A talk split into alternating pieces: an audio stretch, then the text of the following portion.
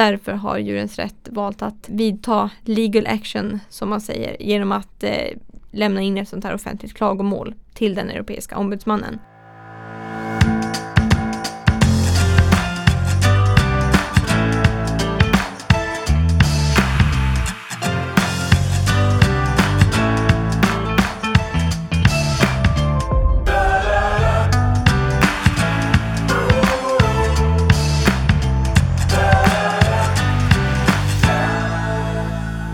Hej och hjärtligt välkomna till Djurens Rätts podd på Djurens Sida. Jag heter Sebastian Wiklund och arbetar som samhällspolitisk chef hos oss på Djurens Rätt. Jag sitter här tillsammans med Matilda Antti, politiskt sakkunnig hos Djurens Rätt. Och tillsammans så brukar vi en gång i månaden bjuda på spaningar och fördjupningar i djurpolitiska frågor. Genom att följa podden så kommer du att få bättre koll på djurpolitik på samhällets olika nivåer. Vad ska vi prata om idag? Ja men vi kommer att prata om lite ny statistik vi har fått på antal hönor som sitter och burar i Sverige. Vi kommer att eh, komma tillbaka till den här kravlistan som vi har drivit eh, namninsamling kring och eh, skickat in till regeringen. Vi kommer att ta upp en nyhet om att eh, vi har fått eh, signaler om bättre djurskydd för fiskar i EU. Sen så har vi också gjort en anmälan till Europeiska ombudsmannen. Det kan vi att eh, berätta om vad det är för någonting och vad saken gäller. Och sen också är det så att jag startat en ny namninsamling för turbokycklingar eh, som är riktad till politiken. Det kommer vi att berätta lite om. Men innan vi gör detta här så tänkte jag att vi ska börja med att prata om kamerabevakning på slakterier. Yes, vi börjar med den nyheten som då knyter an till avsnitt 75. Eh, där nämnde vi i vår framåtblick för 2024 att vi hoppas att regeringen under det här året kommer gå vidare med utredningen om kamerabevakning som överlämnade sitt betänkande i somras förra året. Och sen dagen efter, som på beställning, så möttes vi av nyheten att regeringen gör just det. Så utredningens betänkande, alltså förslag på lagstiftning, har tagit nästa steg i processen genom att skickas ut på remiss. Och här ingår Djurens Rätt som en av remissinstanserna, så vi kommer ju få chansen att ge vår syn på saken. Och som en liten recap kring vad det här handlar om så tillsatte den tidigare regeringen en utredning om att introducera kamerabevakning på slakterier och när den här redovisades i juni förra året så fanns flera ljuspunkter. Alla djurslag skulle inkluderas, alla slakterier skulle inkluderas och eh, alla moment där djur hanteras skulle inkluderas. Eh, så det var goda nyheter som Djurens Rätt har arbetat länge för. Något som vi däremot har kritiserat utredningens betänkande för är att eh, det här förslaget till lagförslag på grund av integritetsskäl inte inkluderar ljudupptagning. För vi menar att ljudupptagningen är väldigt viktig i det här sammanhanget och att man utan den riskerar att missa när djur upplever smärta och uttrycker det genom att till exempel skrika. Så ja, eh, utredningen föreslår att lagstiftning ska vara på plats sommaren 2025 och vi får väl se om den tidsplanen kan hålla. Men för att runda av så kul att det har börjat röra på sig och eh, Djurens Rätt kommer som sagt göra vad vi kan för att lagstiftningen ska bli ännu mer ambitiös.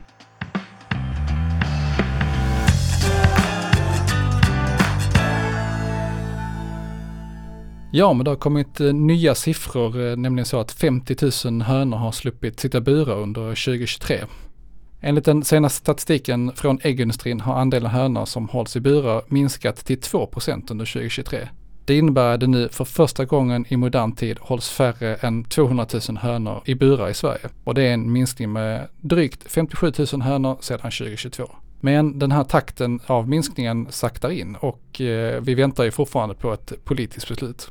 När Djurens Rätt för 16 år sedan började arbeta för att burarna skulle fasas ut så var det ungefär 40 procent av hönorna i Sverige som hölls i burar. I takt med att Djurens Rätt upplyst företag och livsmedelskedjor om buräggen och fört dialog med dem så har buräggen fasats ut från sortimentet. Siffran är nu nere på cirka 2% Minskningen har därmed räddat över 2 miljoner hönor från burhållningen. Livsmedelskedjorna och konsumenterna har sedan flera år valt bort buräggen från sina inköp och den fortsatta utfasningen har gjort att över 50 000 hönor sluppit burar 2023. Det gömmer sig dock fortsatt burägg i livsmedel och i läkemedelstillverkningen. För att komma åt det behövs politiska beslut. Vi har blivit lovade ett heltäckande EU-förbud mot burhållningen efter det framgångsrika medborgarinitiativet End the Cage. Förutom att sätta press i EU behöver också svenska politiker ta beslut på hemmaplan om förbud i år Djurens Rätt har skickat ett offentligt klagomål om EU-kommissionens brutna löften till er europeiska ombudsmannen. Något som du ska uppdatera oss om lite mer senare Matilda.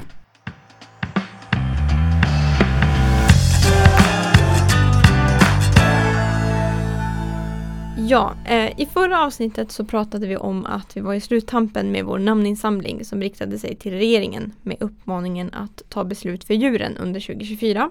Och då är det ju inte mer än rätt att vi i detta avsnitt återkopplar till det här och säger att det totala antalet underskrifter som då samlades ihop under drygt en månad blev 22 629 stycken. Så först och främst stort tack till dig som skrev under.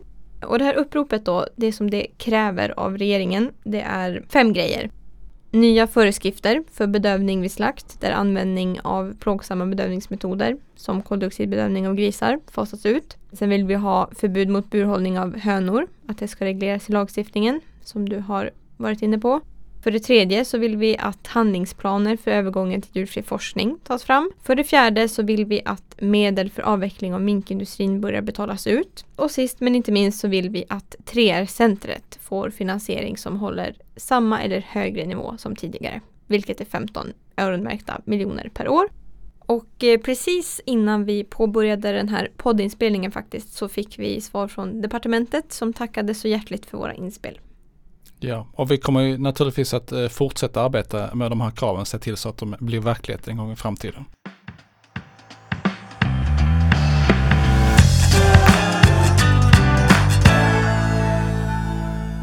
Europaparlamentet har en omröstning den 18 januari uppmanat EU-kommissionen att införa krav på hänsyn till djurskydd för fiskar, både inom fisket och i uppfödningen av fiskar. Det gäller då när EUs gemensamma fiskeripolitik eh, ses över till nästa gång. I skrivningen så står det Europaparlamentet uppmanar kommissionen att ytterligare öka den vetenskapligt baserade kunskapen om välbefinnandet hos vattenlevande djur och att beakta denna forskning i den framtida utvecklingspolitiken inom fisket och i vattenbruket. Och jag tolkar detta som en tydlig uppmaning från Europaparlamentet till EU-kommissionen om att djurskydd måste in i fiskeripolitiken. Det är ett viktigt steg i arbetet för att fiskar ska börja ses och behandlas som de kännande individer som de är. Av de svenska parlamentarikerna så röstade följande för det här förändringsförslaget. Politiker från Centerpartiet, från Liberalerna, från Socialdemokraterna, från Miljöpartiet och Vänsterpartiet. Detta ändrar inte lagstiftningen just nu. Djurvälfärden ingår fortfarande inte i målen för den gemensamma fiskeripolitiken. Men detta tillsammans med slutsatserna från ministerrådet 2023 i juni om stärkt djurskydd inom fisket och i fiskuppfödningen gör att eh, vi tror att kommissionen behöver lyssna på detta och inte ignorera kraven om att eh, det ska införas ett starkare djurskydd inom eh, den gemensamma fiskeripolitiken. Vi tycker ju naturligtvis att detta är ett steg i rätt riktning och vi kommer följa den här utvecklingen och se till att eh, vi kommer arbeta och göra vad vi kan för att det blir så bra som möjligt i slutändan.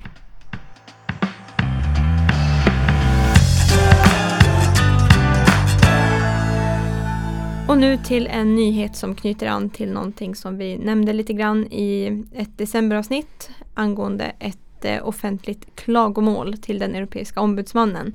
Och bakgrunden här är att EU-kommissionen misslyckades ju med att eh, presentera översynen av EUs djurskyddslagstiftning eh, så som det var utlovat. Vi skulle få fyra lagstiftningspaket. Det var hållning av djur, transporter, slakt och djurskyddsmärkning.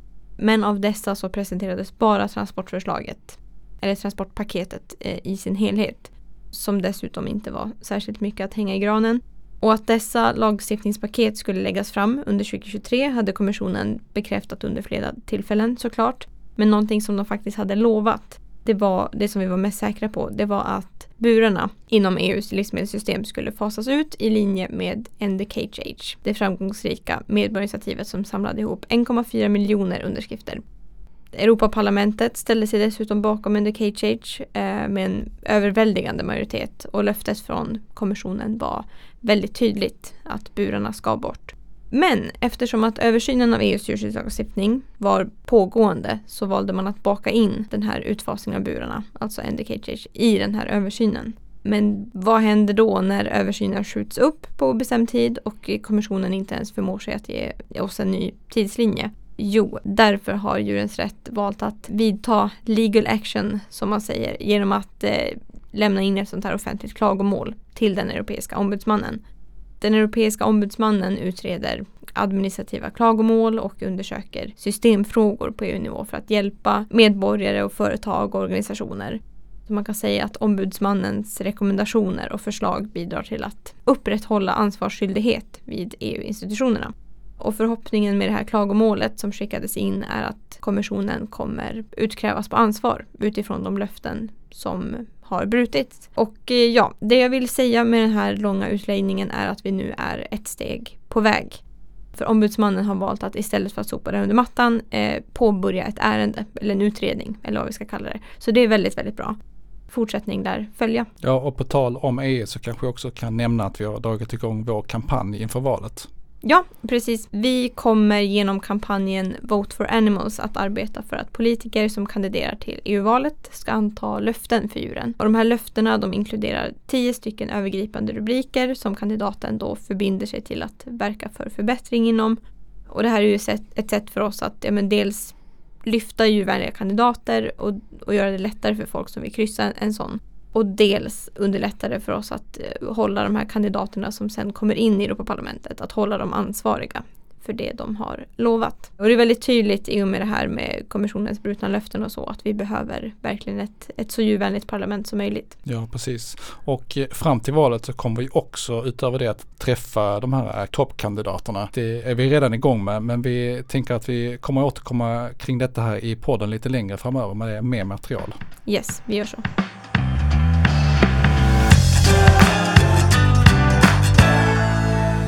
Ja, vi har ju dragit igång en namninsamling för eh, turbokycklingar som vi skickar in till politiken.